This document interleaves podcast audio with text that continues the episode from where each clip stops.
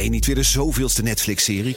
Kom naar de Monday Moves van BNR. Op maandag 18 maart zal op het podium Arend-Jan Boekenstein, Michal van der Toren, Geert-Jan Haan en Bernard Hammelburg. Ze hebben het over geopolitiek. Het is oorlog. Moeten we vechten, vluchten of bevriezen? Onder leiding van mij, Art Rooijakkers.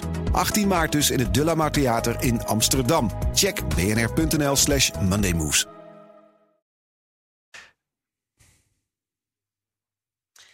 Ja, mannen, ik dacht dat wij gewoon een leuke babbelpodcast gingen maken over media. Maar ik blijk in een soort onderzoekscollectief terecht te zijn gekomen.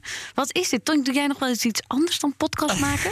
Nou, het loopt wel een beetje uit de hand. Dus we moeten wel een beetje gaan uh, rustig uh, aan gaan doen. Ja, dat klopt. Ja, ik denk dat we gewoon vanaf nu moeten zeggen dat het een seizoen wordt. Dat we niet uh, doorgaan tot het oneindige. Ik ja, dacht Mark dat jij vandaag zou aankondigen van vandaag de laatste van vijf afleveringen van de podcast. Ah, dat zou Nee, maar fijn we, zijn. we zijn toch niet eh, even Jinek niveau? We kunnen toch gewoon doorwerken, come on. Ik vind dat dat die journalisten met dat geklaag, het is allemaal zo hard werken. Gewoon, het is toch je hobby en je werk. Doorgaan, hup. Ja, bij jou is het gewoon je leven. En bij Ton inmiddels ook weer. nou, goed, oké, we gaan beginnen. Dit is Koster en Van Dijk, een podcast over media met Mark Koster, al jarenlang onderzoeksjournalist met een pittig pennetje voor onder andere NRC. En Ton F. Van Dijk, oud-journalist bij Reporter en voormalig omroepbestuurder. En ik, ik ben Wendy Beenakker, eindredacteur bij BNR. Nou, ik heb het gezegd al, jongens. Ja, maar jij, eh, jouw naam staat echt veel te weinig bij, eh, bij deze podcast. dat vind ik, nee, dat vind ik echt. Dus Ja, daar is moeten we ook wat aan zo. doen. En die letters staan veel te groot ook. Dus daar gaan we nog een keer aanpassen. Heel ander verhaal is eh, het verhaal waar Ton mij gisteravond mee eh, over belde. Ehm Frederike Leeflang wordt bedreigd. En bronnen hebben dat tegenover jou eh, eh, eh, nou ja, beweerd. Ehm, ze wordt daarom ook beveiligd. Ton, hoe, hoe is dat gegaan? Hoe komt dat bij jou? Nou ja, we zijn eh, natuurlijk eh, al een paar weken bezig met eh, het verrichten van onderzoek naar ja, alles wat er bij de publieke omroep op dit moment speelt. Dat is gewoon toevallig op ons weg gekomen. En dat betekent dat er ook veel mensen dan ja, contact met je zoeken en met allerlei verhalen zich melden. En een van de mensen die zich daar me- melden met een verhaal was: ja, weet je dat Frederike Leeflang, de voorzitter van de NPO, dat zij beveiligd wordt en dat ze ook ernstig bedreigd wordt. En nou, ik, ik wist dat niet. Dus ik heb eh, vervolgens eh, de woordvoerder van Frederike Leeflang eh, gebeld of eh, gemaild en contact gezocht. En vervolgens gevraagd: van, ja, klopt dat? En eh, ja, daar waren ze natuurlijk een beetje ja, onduidelijk over. Want normaal gesproken vertellen ze daar liever niks over. Maar ik heb gezegd, ja, wij gaan dat melden. En we hebben daar ook goede bronnen voor. Maar we willen wel zeker weten dat we niet eh, ja, iets doen... wat haar extra in gevaar zou kunnen brengen. Nou, naar aanleiding daarvan hebben ze intern overleg bij de NPO. En gisteravond eh, kregen we om een uur of acht een mail... waarin eh, de woordvoerder namens Frederik Leeflang ook bevestigde... dat zij bedreigd werd en beveiligd wordt. Ehm, onze informatie is dat het ongeveer een week of twee gaande is. En ehm, onze informatie is ook dat het te maken zou hebben met het besluit rondom Ongehoord Nederland. De Raad van Bestuur van de NPO heeft naar aanleiding van een rapport van de ombudsman Mar Margot Smit, eh, die kritisch was over het functioneren van eh En Ongehoord de Nederland. journalistieke codes, zouden Ja. zij, eh, daar zouden zij zich niet aan Ja, houden. Ze zouden zich te veel als een doorgeefluik opstellen. Nou, en, en, en naar aanleiding daarvan staat de Raad van Bestuur nu voor de keuze of ze sancties gaan opleggen aan eh, Ongehoord Die hebben Nederland. ze in principe aangekondigd. Hebben ze in principe gezegd. En Ongehoord Nederland heeft nu een, een bepaalde termijn om te mogen reageren. Om hun zienswijze daarop te mogen geven. En dan volgt er waarschijnlijk een sanctiebesluit. Inhoudend dat er geld wordt ingehouden bij Ongehoord Nederland. En daar zouden mensen zo boos over zijn. Ja, Dat eh, ja, de bestuursvoorzitter nu ehm, bedreigd wordt. En Ja, dat dat- eh, hebben we gisteravond eh, dus ook ja, gemeld toen, toen we het rond hadden. Omdat het gewoon nieuws was. We hebben wel gezegd van ja, we willen zeker weten dat het niet tot een gevaar leidt voor de bestuursvoorzitter. ja, want we ja, we moesten er in eerste instantie prudent mee omgaan. ja, dat werd wel gevraagd. Dus toen hebben we gezegd, ja, wat betekent dat precies? Ehm, nou, we hebben duidelijk uitgelegd van luister, we zijn natuurlijk eh, journalisten. We brengen nieuws, dat is ons werk. Dat snappen jullie ook bij de NPO, want dat doen jullie zelf ook. Maar mocht het zo zijn dat als wij dit naar buiten brengen... dat het tot, tot gevaar leidt, eh, expliciet gevaar... dan doen we dat natuurlijk niet. Want dat is het ons niet waard. En toen kregen we het signaal terug van nou, eh, dat is niet eh, aan de hand. Dus we begrijpen dat jullie het gaan publiceren. Ja. Ma- Mark, eh, de, ehm, we begrijpen dat jullie het gaan publiceren. In eerste instantie was het natuurlijk een beetje... ja, goh, moet je dit nu wel doen? Wat is het belang? En is het belang groter dan de veiligheid of de... mm, nou ja, Nou, het is stom. Waarom zeg ik dat nou eigenlijk Nou, zo? het is een belangenafweging tussen Ja. het algemeen belang en het individueel belang van in dit geval Frederike Leeflang eh, en haar, haar, zeg maar, haar veiligheid. En dan heb je het algemeen belang van publicatie. Mark, toch of niet? Ja, vind ik wel. En het is best moeilijk. Ja, we hebben natuurlijk contact ook gezocht met Leeflang zelf. Die wil er niet te veel over zeggen. Dat is ook keurig dat ze dat doet. Ehm, maar je kan wel vaststellen dat dat toch wel een bedreiging is. En wat ik heel ernstig vind, is dat er wordt getwijfeld aan de intenties nu van ons om dit te brengen. Hè. Dat er dus op Twitter en overal krijg je dan van die verhalen van... ja, dat is allemaal bedacht door de NPO... om ongehoord in een slecht daglicht te brengen. En dat vind ik dus een... Ja, dat is natuurlijk heel raar. Dat wij, wij brengen gewoon feiten. Hè, waar wij ervan uitgaan dat de NPO dat netjes vertelt. Leeflang zelf bevestigt dat eigenlijk ook min of meer. Dan vind ik dat dat onze plicht is om dat te melden. En Maar waar ik vind het, een, ik vind het eigenlijk een, een groot schandaal dat dit gebeurt. Precies. En daar moeten we gewoon. ehm, ja, het is natuurlijk vreselijk dat de NPO, die er voor ons allemaal is. Ja, ik, ik gebruik zware woorden. Daar gaat 900 miljoen om. Ook een deel naar journalistieke programma's. Dan zou je toch denken dat daar GVD mensen hun werk kunnen doen. zonder dat daar bedreigingen zijn. Nou ja, kijk, we hebben het natuurlijk al eh, eerder gehad over het feit dat de journalistiek onder druk staat. De, de NOS die stickers eh, van bussen afhaalt. eh, De manier waarop we met elkaar omgaan en waarbij we op social media heel makkelijk bedreigingen over en weer Ja. uiten. Ja, ik vind het echt. ehm, de Ja, hoogste baas van de NPO zou gewoon haar werk moeten kunnen doen zonder dat dat extra beveiligingsmaatregelen moet opleveren. Of het nou klein of groot is, het kan niet waar zijn. Nou ja, wat ik, wat ik ernstig vind, is dat er dus wo- wordt gezegd van ja, dat is allemaal bedacht, is een bedenksel van, van de NPO om ongehoord eh, een erg in een, in een zwart daglicht te brengen, waardoor ze die sanctie kunnen opleggen. En vind ik dus heel cynisch en heel, heel naar dat, dat daaraan getwijfeld wordt. En ja, goede vriend Karskens. Ik wou zeggen, die heb je natuurlijk gelijk gebeld. Natuurlijk heb ik Arnold Karskens gebeld. En eh, Arnold zelf kennen we natuurlijk al iemand als een oorlogsverslaggever die altijd niet in bed. Hè. Die was dan altijd helemaal Arnold, als, ook als Arnold Schwarzenegger meets Rambo zijn werk deed. Die, ja, dan denk je van ja, Arnold, als dit mensen zijn sympathisanten van jouw omroep. Wat vind je daarvan? Nou, ik heb, ik heb het bericht hier binnen. Het bestuur van Ongehoord Nederland Waaronder hij dus. heeft kennis genomen van berichten dat mensen rond het onderzoek naar onze omroep bedreigd zouden worden.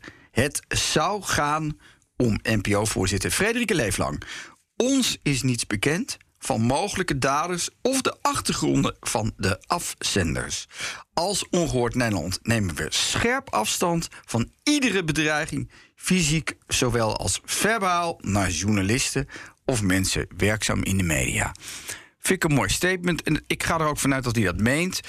Ehm, wat je wel zou kunnen zeggen, dat Ongehoord Nederland in sommige reportages... we kennen die reportage van die, die man die dan aan die asielzoekers vraagt... heb je die fiets, eh, van wie is die fiets?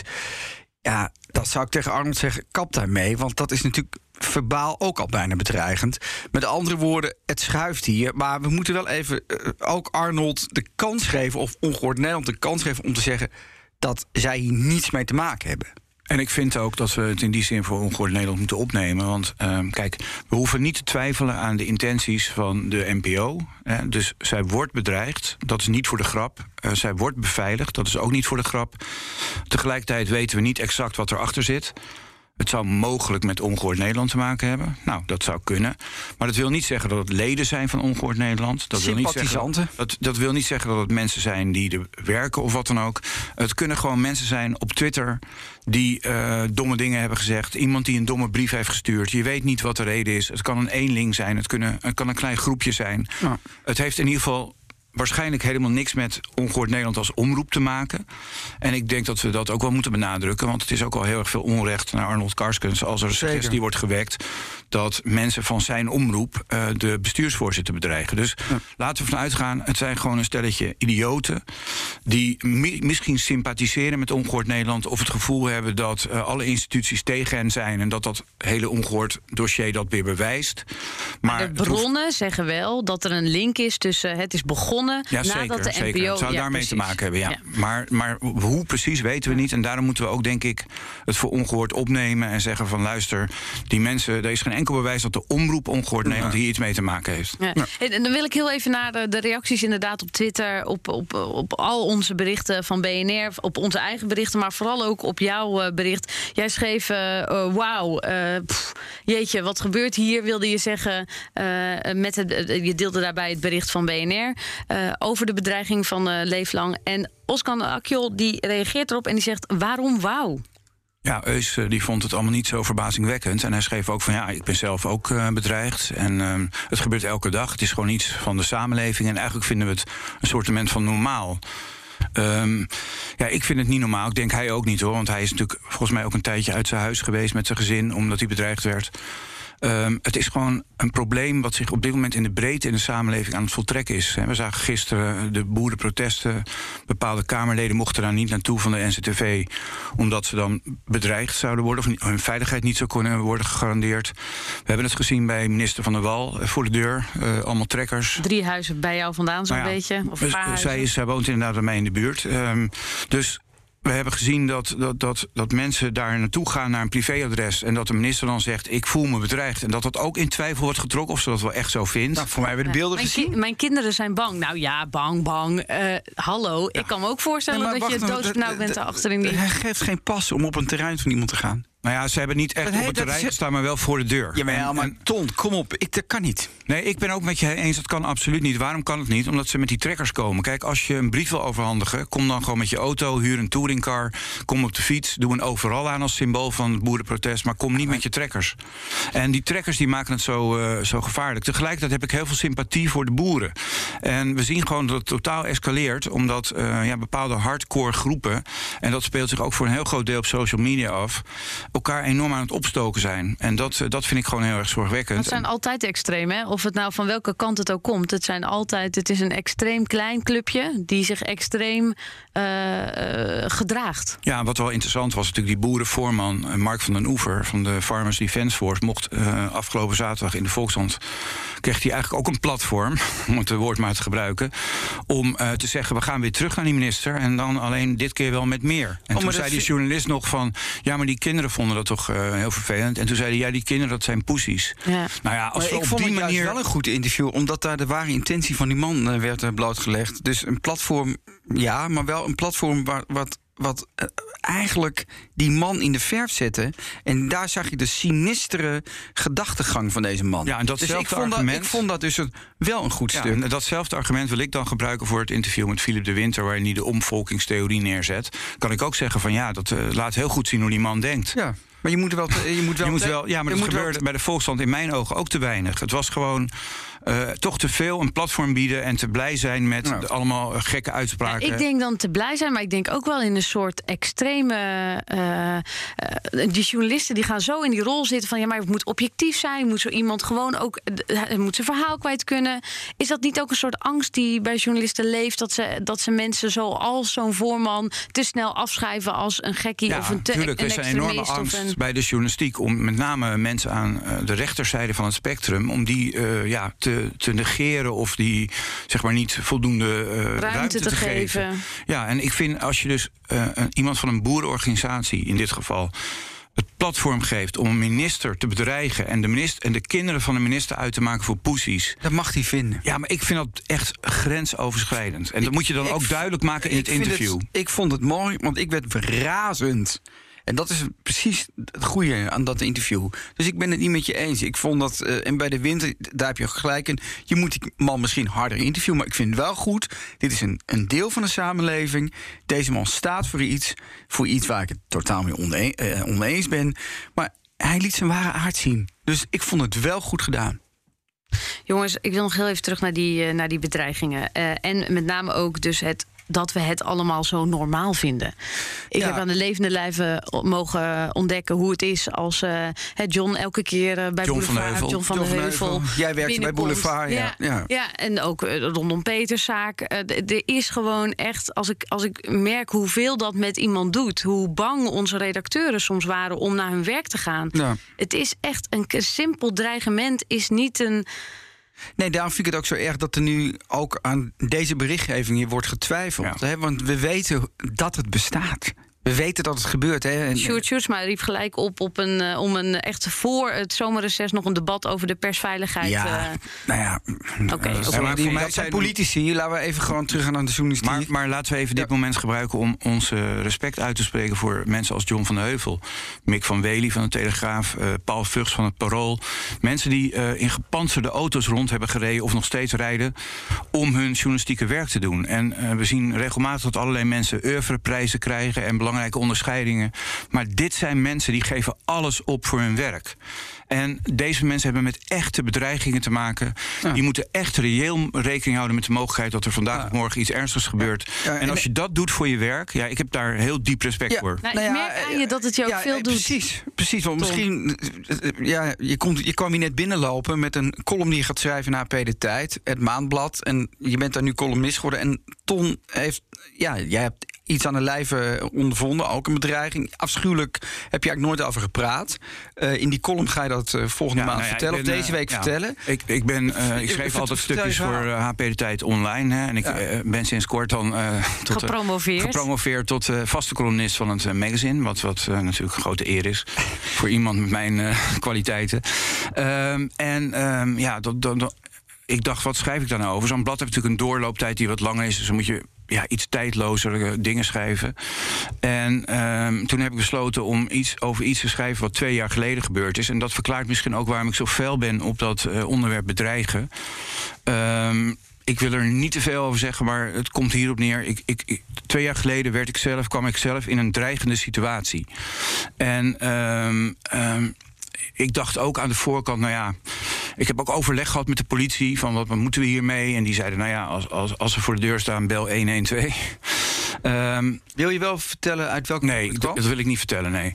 Um, maar die dreiging, die, die, die, die, die speelde dus een aantal weken. En uh, ja, ik heb daar nog met mijn broer over gesproken. En uh, van, joh, nou, hoe zou het kunnen doen? En dit en dat. En uh, het voelde wel bedreigend, maar tegelijkertijd niet realistisch. Je denkt, maar ja, het zal wel meevallen, er gebeurt toch niks. Hè? Misschien denkt Frederik Leeflang dat ook nu. En uh, al die mensen eromheen ja. denken dat allemaal van... Nou, het valt allemaal wel mee, tegenwoordig wordt iedereen bedreigd. Je ziet het ook het op, op Twitter. Symbool, ja, zo van, als je niet bedreigd wordt, hoor je er niet bij. Nee. Nou, ik heb aan de lijf ondervonden dat je bedreigd kan worden... maar dat het ook echt kan gebeuren. Mm -hmm. En uh, in de nacht van 4 juli, om half twee s'nachts... Uh, lagen mijn vriendin en ik in bed te slapen. En uh, toen opeens hoorden wij hele rare geluiden die we niet goed konden plaatsen. En uh, om een lang verhaal kort te maken, we kwamen er na een minuut of tien achter dat uh, ons huis in brand stond. Uh, de vlammen kwamen al boven de kap uit van het huis. Dus ja, ter hoogte van de slaapkamer, de ramen. We zagen gewoon grote vlammen, vuurregens. Um, ja, ik heb mijn telefoon gepakt. Mijn vriendin heeft een badjas aangedaan. Ik had zelf alleen een onderbroek aan. We zijn, uh, ik heb 112 gebeld. En we zijn naar beneden gerend, letterlijk het huis uitgevlucht. Toen, we, toen ik het huis uitliep, zag ik dat het huis aan ene kant al helemaal in de brand stond. Mijn auto stond in brand, het was één grote vuurbal. Um, en we zijn letterlijk het huis uitgevlucht. En hebben daarna uh, op straat, uh, op mijn blote voeten, in mijn uh, onderbroek, heb ik staan kijken hoe mijn hele huis is afgebrand. En de kans is vrij groot dat dat, dat, dat het gevolg is van een dreiging die, die speelde. En dat iemand dat dus met opzet gedaan heeft. En ja, dan opeens kom je er dus achter dat dingen die misschien heel abstract lijken, van ja, nou, ik word bedreigd, uh, uh, dat dat ook heel realistisch kan worden. En ja, het heeft mijn leven op dat moment echt op de kop gezet en dat van mijn vriendinnen ook. We, zijn, we hebben een jaar lang in een vakantiehuisje gewoond. We zijn alles kwijtgeraakt. allemaal persoonlijke dingen ook. En dat was heel heftig. Ja. ja, dat kan ik me echt voorstellen. En ik wil alleen maar zeggen van al die mensen die er zo makkelijk over denken. eventjes uh, de kinderen van de minister bedreigen in de krant. Weet je, dat flik je gewoon niet. Drink even een slokje water.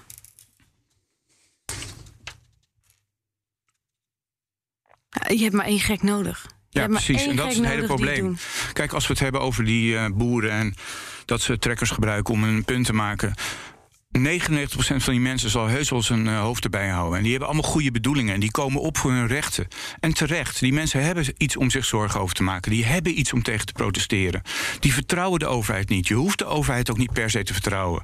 Maar je moet weten, als je dat organiseert, dat er een kans is dat er één iemand tussen zit die zo gek is. Er hoeft maar één overspannen boer in Nederland te zijn die denkt: oké, ik weet nu waar de minister woont ik ga daar naartoe en uh, er gaat iets fout. En, en, en dat, die, die angst, uh, ja, die voel ik uh, in mijn lijf. Want dan en, gebeurt dit. En dan, wat, wat, wat voor effect kun je iets vertellen over hoe dat dan dat jaar. Je gaat je huis opnieuw opbouwen, hè? natuurlijk. Daar ja, ben je mee ja. bezig. Maar je kijkt ook achterom. Heb je, dan al je bent wel bezig met die dreiging nog steeds. Je, je dacht, moet ik kappen helemaal mee. Uh, waarmee? Met, met, uh, nou, met, nou, ik zeg ook niet. Kijk, ik zeg, het was een dreiging. Ik, ik zeg niet uh, hier heel martiaal dat die te maken had per se met, met de, datgene wat ik in de media deed. Daar is wel over gespeculeerd. Er zijn ook mensen die, dat, die daar hele theorieën over hebben.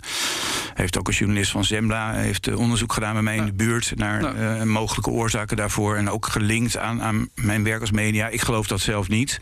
Maar um, wat, er met je, ja, wat er met je gebeurt, het is gewoon elk geluidje, uh, als je s'nachts in bed ligt, zorgt ervoor dat je rechtop zit. Um, elke auto die door de straat rijdt, die je niet herkent, ben je alert op.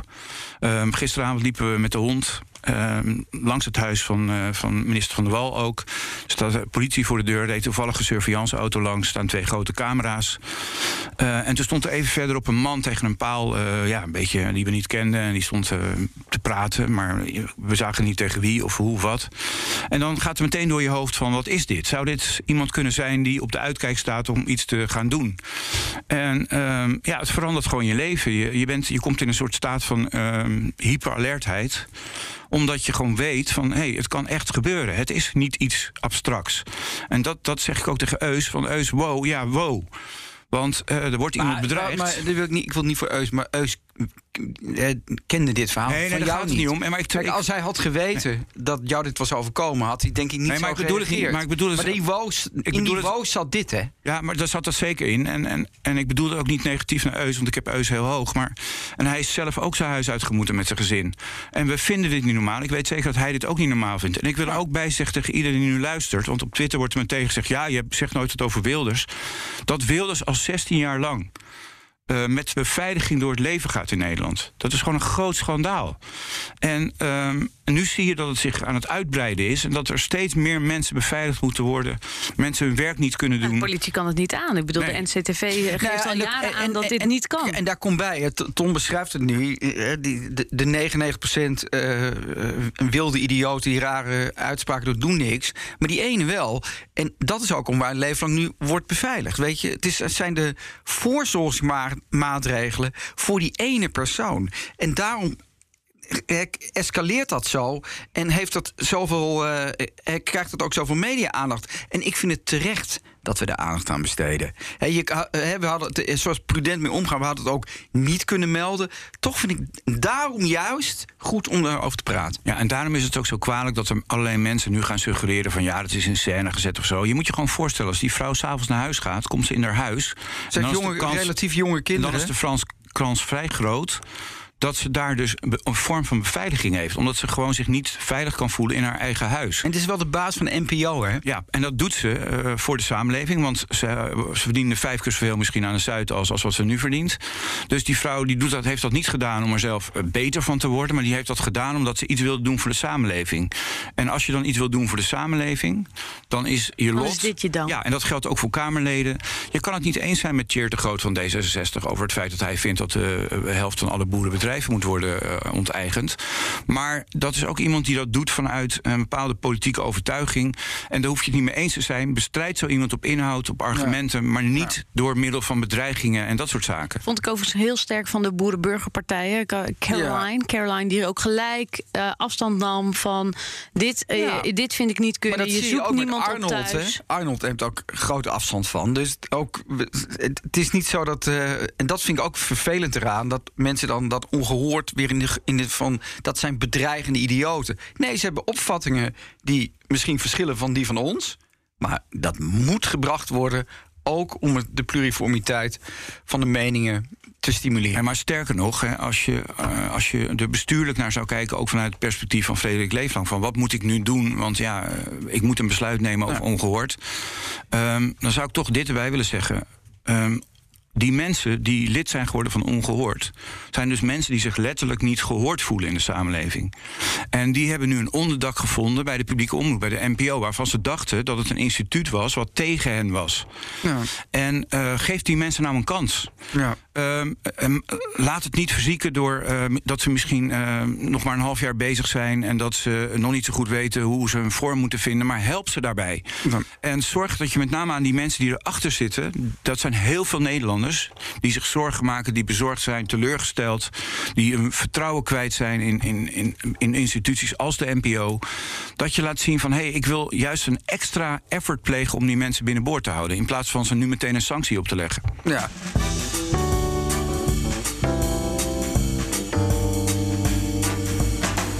Is het wel interessant dat dit, deze, dit debat van voordat we hierover begonnen natuurlijk wel iets breder is. Hè? Want ongehoord de sanctie die wordt opgelegd, wordt opgelegd naar aanleiding van de berichtgeving hè, bij hun, hun, journalistieke ambacht. Voeren ze niet goed uit. Hè? Hoor en wederhoor. We hadden het net al over het, verhaal van uh, Philippe de Winter, die dan over omvolking begint. Um, ik vind dat wel interessant. De, de, die vraag zit hier eigenlijk nog boven. Hè. Gaat de NPO wel helemaal goed om met de journalistieke merites? Testen we dat we goed? En is dat bij ongehoord niet alleen zo, maar is het ook bij andere omroepen zo?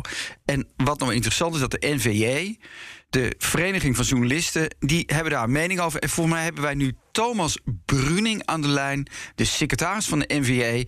En um, ja, die, die heeft erover nagedacht. En kan ons ook vertellen dat op 2 juli de journalisten, we hebben hier drie in de studio, uh, een, ontmoeting heeft met staatssecretaris Oesloe over deze kwestie. En volgens mij hebben Thomas nu aan de lijn. Thomas, waarom we jou eh, bellen of waarom we jou uh, contacten? We hebben hier een hele felle discussie over die bedreigingen, hè, over de rol van ongehoord. Nou, daar, spreken we onze afschuw over uit. Maar er zit een verhaal achter wat ons betreft. Hè. Dat gaat een beetje over de journalistieke, ja, het journalistieke ambacht. Wordt dat wel goed uitgevoerd door ongehoord? Daar is die kritiek op. Maar jij vindt eigenlijk, daar hebben we al een beetje over geappt, dat dat wel meer bij de NPO zit. Hoe, hoe zie jij dit? Jazeker. Kijk, ik denk dat uh, wat er nu gebeurt bij ON staat eigenlijk voor iets groter, voor een groter probleem bij de publieke omroep. En, uh, en dat is dat er uh, eigenlijk, ik zou maar zeggen, er wordt hele goede journalistiek gemaakt bij de publieke omroep. Er zijn hele goede programma's, heel waardevol, ook juist in een in uh, voor het Nederlands publiek dat er ten opzichte van grote mediapartijen in Nederland, zoals Mediahuis en DPG, ook echt een, een gratis toegankelijk alternatief is met kwaliteitsjournalistiek. Dat staat voorop. Waar het vaak misgaat, is uh, toch in dat oude omroepsysteem, waarin omroephuizen uh, ik zou maar zeggen, hun journalistieke onafhankelijkheid niet goed hebben geregeld. En dat zie je nu, nu bij ON heel duidelijk. Je ziet bij ON dat uh, de oprichter Arnold Karskens uh, voorzitter is, uh, directeur. hij is ook hoofdredacteur en hij schuift aan als commentator hè, bij allerlei programma's. Dat, dat is een onderdeel zeg maar, van de problemen die we bij deze nieuwe omroep zien. Hè. Dus dat eigenlijk iemand die zegt van we hebben, ik vertegenwoordig een bepaalde groepering in, in, in, het, in de samenleving, dat die dus die verschillende rollen vervult. Goed, dat als je dit dus zo ook... zegt, Thomas, dan denk ik gelijk aan nou, goh, ik ken er nog wel een paar die zichzelf uh, Jan Slachter, Bert Huisjes, uh, ik weet niet, Dominique Wezi. Nou, exact. Nou, en dat is dus het, het bredere probleem waar we voor staan. die, die, die morris, dat je dat soort rollen niet moet verwisselen, die speelt breder bij de omroep. Vroeger speelde die ook al bij de EO of bij de KRO. Hè, dat op het moment dat journalisten daar een bepaald onderwerp raakten, dat ze dan gedonder kregen, zou maar zeggen, met uh, de, de, de, christelijke verenigingstak, zou maar zeggen. Nou, dat, dat soort dingen moet je niet willen, want dan, dan dat raakt de geloofwaardigheid van de journalistiek. Maar, Thomas, maar mag ik meteen een steen in de vijver gooien? Zijn we aan een eindpunt aangeland van ons omroepbestel, als we hier naar kijken? Nou, in ieder geval is dit een soort wake-up call, waardoor opeens een veel bredere gemeenschap, dus ook mensen binnen de publieke omroep zelf, denken van hé, hey, wacht eens. Ehm, als we dit niet goed regelen, dan doen we eigenlijk hetzelfde waar we, waar we de buitenwereld uh, soms van beschuldigen. Dat we niet onafhankelijk zijn, of dat we misschien zelfs wel desinformatie naar buiten brengen, noem alles maar op. Omdat we dus dat zelf faciliteren, zeg je eigenlijk? Ja, omdat ze niet goed het geregeld hebben dat die dat journalistieke werk, ik, ik noem het maar even voor, voor het, uh, het goede begrip non-fictie. Dus alles wat, wat bij wijze van spreken geen drama en, uh, en entertainment is, daar moet je voor instaan als publieke omroep als geheel. Dat je, dan, dat je daarbij de kijkers of de luisteraars niet bedot. Dat je die ook echt zegt van jongens, we doen dit vanuit een uh, journalistiek vakmanschap. We doen dit omdat u ons als publieke omroep kan geloven. Dat we geen spreekbaar zijn van welke politieke partij of van welke overheid dan ook. En dat moet je er wel waarborgen. Nou, dat is het wat we nu moeten gaan doen. Dus ik zeg niet uh, al die omroepen de schroothoop op. Want het is ook wel iets bijzonders dat je die veelkleurigheid hebt in dat, in, in dat publiek. Maar ja, hoe ga je dat dan doen, Thomas? Want als we dat even concreet, als ja. dat even concreet uitloopt met me in mijn hoofd, dan denk ik, nou, dat wordt een ton. Dat is een ingewikkelde ja. Nou, opdracht. Volgens mij is, een, is een ingewikkelde wedstrijd, maar het is wel te doen. Maar wat ga je zeggen op 2 juli? Mevrouw Oesel, nou, kom bij je. Wat adviseert de NVJ? Ja, nou wat wij aan de staatssecretaris en eerder ook al aan Slop hoor, overigens hebben gezegd is: zorg er nou voor dat je in een nieuwe mediawet uh, gewoon verplicht stelt dat elke omroep een journalistieke hoofdredacteur heeft. Die losstaat van die vereniging, die losstaat, hè, die, die onafhankelijk is van die vereniging. Hè, en, en daar echt staat voor die journalistieke verantwoordelijkheid. Zorg ervoor dat dat geborgd is in een redactiestatuut, waarin je dus ook hè, niet kan worden ontslagen door je omroepbaasje of door wie dan ook. Hè, voor de journalistieke keuzes die je binnen die omroep maakt. En let op, zorg ook voor goede medezeggenschap van onderop. Dus zorg ervoor dat de journalistiek coördinator, hè, of de genrecoördinator journalistiek, zoals die straks gaat heten bij de NPO, dat die dus niet gekozen wordt of benoemd wordt van bovenaf, dus door de NPO lees, hè, uiteindelijk door de overheid, maar dat die van onderaf gekozen wordt. Dus door die verschillende journalistieke hoofdredacteurs van die omroepen. Ik zie hier Ton echt uh, denkrimpels, uh, ontspanning in dat gezicht. Ja, ik probeer... even diep na te denken. Ton. Ja, hallo Thomas. Ik probeer het te begrijpen. Maar uh, aan de ene kant zeg je van ja, die omroepen, dat is eigenlijk ja, lastig allemaal. Al die verschillende omroepen en mogelijk nieuwe toetreders in de toekomst. En iedereen kan maar lid worden van het bestel. En aan de andere kant pleit je er nu voor om ehm, de, de journalistieke macht, de genrecoördinator journalistiek en informatieve programma's die uh, er komt of net is benoemd uh, bij de NPO, dus centraal, om die weer terug te brengen naar de omroepen. Dus aan de ene kant lijkt het erop alsof je vindt dat de omroepen minder macht moeten hebben. En aan de andere kant, door die uh, hoofdredacteur te benoemen die dan bij de omroepen zit, geef je de omroep eigenlijk weer meer macht. En hoe, hoe zie je dat? Want er blijft altijd een, een NPO-directeur die een programma wel of niet eruit kan halen uit het schema. En dan, ja, dan heeft die hoofdredacteur weer niks te vertellen. Nou, kijk, eh, wat je volgens mij moet organiseren is niet zozeer dat die macht puur bij die omroepen komt. Er moet iemand zijn die coördineert en die besluit van wat komt er uh, op zender en wat niet. En wat geven we prioriteit of wat. En nu gebeurt dat eigenlijk op een manier die wat mij betreft niet democratisch goed geborgd is. Dat, hè, die zendercoördinatoren die worden niet uh, vanuit uh, de, de, de veelkleurigheid maar mag van die ik, mag ik het anders? Nee, zijn maar mag ik een andere vraag stellen? Heb jij er vertrouwen in dat er iemand in Nederland rondloopt die zoveel capaciteit heeft dat hij die journalistieke waarborgen kan garanderen? Dus dat er, dat, dat er iemand in staat is ja. Ja, Behalve Tom en Van Dijk, die, die, dat, in, die dat kan. Dat zeg ik nee, nee, nee, nee, maar, maar, begrijp je, Thomas? Daar, daar, want ik, ik, ik luister goed naar je. Ton die, ja, die maakt er een bureaucratisch ding van. Maar je kan ook zeggen, er moet één heel goed iemand zijn. Ja, maar net als bij de BBC. Ja, ik weet wel iemand, neem Joost Oranje. Ja, maar die, precies. Die, die hoofdredacteur is geweest van Nieuwsuur. Ja. In de hoofdredactie heeft gezeten van NRC Handelsblad. Dat is een keurige man. Zelf een journalist uh, die uh, met zijn voeten in het bluswater heeft gestaan. Maar die moet in zo de raad van bestuur zitten van de NPO. zo iemand zou toch op het allerhoogste niveau die journalistiek kunnen borgen ja, bij de publieke Zou jij dat een goed idee vinden, Thomas, als je op die manier ernaar kijkt? Nou ja, kijk, daarom de, de vraag is van, dat is een hele uh, zware taak, hè, dat klopt. Maar die hebben we dus nu bij, bij uh, Frans Klein bijvoorbeeld belegd. Of bij, of bij iemand die. En dan zeg ik, jongens, het is in ieder geval beter als die gekozen wordt vanuit die journalistieke hoofdredacteuren per, ja. per, per omroep. Want dan heb je op zijn minst heb je, uh, heeft zo iemand bij wijze van spreken ook te strepen. En, en moet hij ook en moet hij ook verantwoording daar. En mandaat. En heeft hij ook verantwoording af te leggen daaraan. Ik vind het hele die, wijze woorden, Thomas. Thomas, nog heel even, want dan zit je op 2 juli bij Oeslo. En dan, uh, dan heb je het natuurlijk niet alleen hierover, maar dan moet je ook nog over die bedreigingen. Je moet ook nog praten over die klokkenluider van de NPO, die, uh, die daar ergens gestrand is op, op de vriendin van Julia Rijksman. Je hebt het druk daar, die, die 2 juli. Nou, zeker. Ik zit overigens niet bij Oesloe. Oesloe zit bij ons. Hè. Oh, hier precies. Nee, dat is belangrijk. Hè? Oesloe komt naar je toe deze zomer. Er zijn, aardig, er zijn aardig wat dingen te bespreken. En eh, een van de andere dingen is, dat is een, een leuk voordeel wat er ook, ik zou maar zeggen, ik, ik praat ook voor de journalistieke gemeenschap, voor onze leden. Een van de dingen die we ook bij Oesloe zeker adresseren en die ook voortkomt uit dit rare omroepsysteem, is die enorme hoeveelheid tijdelijke contracten die ook onveiligheid geeft. Hè. Dus van de week een rapport over uitgekomen door de Raad van Cultuur. Het is een beetje off-topic misschien, maar het gaat er wel om hetzelfde.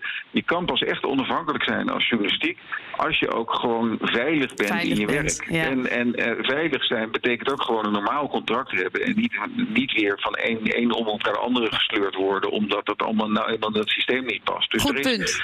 veel te bespreken. Doe je eh, best daar, hè? Leden van de NVA kunnen er gewoon bij zijn in de Tolhuistuin, dus uh, komt, komt allen. De, de, de, de leg Valenza van de journalistiek was je antwoord.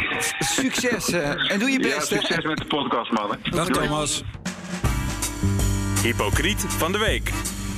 Het laatste woord is uh, voor Geert Dales, maar niet voordat ik nog heel even terugkom op zijn column van vorige week. In de podcast van vorige week reikt hij de bokaal van de, voor de hypocriet van de week uit aan NPO-baas Frederik Leeflang. Sorry, Frederik. Omdat de publieke omroep zich wel heel druk maakt over kleine omroep Ongehoord Nederland, maar veel grotere kwesties onbesproken laat. Hij gaf daarbij ook een voorbeeldje, namelijk de kerstboom aan BV's van omroepbaas uh, Jan Slachter van Max. Nou, bij nader inzien leek het ons beter om die passage uit zijn zijn column te halen. Hoewel de tekst van Omroep Max uh, kort online is geweest, verzocht Jan Slachter toch om een rectificatie. Voor een eventueel misverstand dat Slachter misbruik maakt van zijn publieke geld, krijgt hij, mede namens ons allemaal, een welgemeende excuses. Geert, take it away. De bekende presentator Paul Witteman, 75 jaar inmiddels, kreeg onlangs de ere zilveren Nipkoff-schijf als oeuvreprijs voor zijn decennia lange televisiewerk. De gasten bij de uitreiking, hoofdzakelijk afkomstig uit het Hilversumse Ons kent ons milieu, klapte de handen stuk bij het voorlezen van het juryrapport. Witteman laat iedereen in zijn waarde, of het nu de minister-president is of een plagiaatplegende hoogleraar, al dus de jury. Een glunderende Witteman maakte al in de eerste zin van zijn dankwoord duidelijk dat het kleffe juryrapport rechtstreeks in de prullenmand kon. Ik dacht even dat ik moest wennen aan een leven zonder oeuvre award, sprak de laureaat om eraan toe te voegen, straks maar even aan Arnold Karskens vragen hoe dat voelt. De zaal lachte. Ik vermoed dat Karskens niet in die zaal zat, want het is nauwelijks voorstelbaar dat hij deze vernedering geaccepteerd zou hebben. Zeker niet op het moment dat de incestueuze publieke omroep Kliek, waar Witteman tot over zijn oren in zit, de aanval op hem heeft geopend omdat hij met zijn omroep Ongehoord Nederland als onjournalistiek, kritiekloos doorgeefluik zou fungeren. Terecht wordt Paul Witteman door vriend en vijand geprezen voor zijn kwaliteiten als interviewer, waarvan hij jarenlang blijk gaf in programma's als Achter het Nieuws, Buitenhof, Pauw en Witteman en de laatste jaren met het muziekprogramma Podium Witteman. Maar bij Paul Witteman denk ik ook aan Het Lagerhuis. Waar hij halve zolen van het kaliber Henk Bres ongehinderd de grootste onzin liet aankramen. Dikwijls erger dan de weerzinwekkende kul die Philip de Winter onlangs ongestoord mocht uitbraken bij Karskens nieuwsshow Ongehoord Nieuws. Reden waarom Ongehoord Nederland nu volgens de raad van bestuur van de NPO, inclusief Wittemans vadervrienden, gestraft moet worden. Bij Paul Witteman denk ik ook aan zijn bewering in 2004, let wel, 2004, dat hij zou stoppen met betaalde nevenactiviteiten omdat hij had ingezien dat die niet rijmden met de noodzaak van onafhankelijke en kritische journalistiek. Je kunt niet de ene dag tegen een vorstelijk honorarium bij een bedrijf, ministerie of instelling de dagvoorzitter of debatleider uithangen en de volgende dag zijn organisatie kritisch bejegenen als die ineens in het nieuws komt. En Witteman vond dat kennelijk ook. Toch ging hij er vrolijk mee door, tot op de dag van vandaag. Zekerheidshalve heb ik bij Buckman Management en Geerling Evenementen en Artiesten nagevraagd of de jarenlange band met Paul Witteman nog immer bestaat. En ja hoor, u kunt er nog altijd terecht voor al uw boekingen. Kost overigens wel een hoop geld. Dit gesnabbel is kenmerkend voor velen bij de publieke omroep. Reden ook waarom journalisten van andere media zo graag aanschuiven bij Op1, Humberto, Jinek en andere praatshows. Hoe vaker met je kop in beeld, hoe meer kans op opdrachten en hoe hoger de prijs bij Bukman en zijn collega's. Zo is het dubbel vangen voor je werk. Eerst op andermans kosten kennis van zaken vergaren en daarna diezelfde kennis uitventen in een schnabbelcircuit. Paul Witteman weet er alles van. De door Witteman beledigde Arnold Karskens heeft van het NPO-bestuur een week extra gekregen om zich te verdedigen tegen de aanklacht dat ongehoord Nederland louter een doorgeefluik is van subjectieve meningen. In die week zou het NPO-bestuur misschien zelf ook eens even kunnen nadenken over doorgeefluiken van het kaliber Paul Witteman, die decennia lang zijn goddelijke gang kon gaan. De ere zilveren Nipkoff-schijf is de veteraan van harte gegund. Maar voor mij krijgt hij er de bokaal voor de hypocriet van de week bij. Leuk dat je hebt geluisterd naar Koster en Van Dijk. Abonneer je en mis niets. Uh, volgende week zijn we er weer. Ton, kunnen we een iets minder groot onderzoek doen deze keer? Het is wel de bedoeling. Uh, ook iets minder emotioneel. We gaan volgende een beetje lachen. Sorry, hoor, moet ik me daar nu ook al voor verdedigen? Nee, ik vind het echt mooi dat je het doet. Maar we moeten echt... Uh, ik vond het echt een heftig verhaal. Het raakt je zo erg en dat raakt mij dan. Ik, ik kan daar gewoon... Als je naar luistert, is één. En als je erover hoort. Maar als je iemand dat ziet vertellen... Ton, het is echt... Ik hoop dat het bij de luisteraars ook zo... ja. We gaan nog een glaasje water drinken. Tot volgende week allemaal.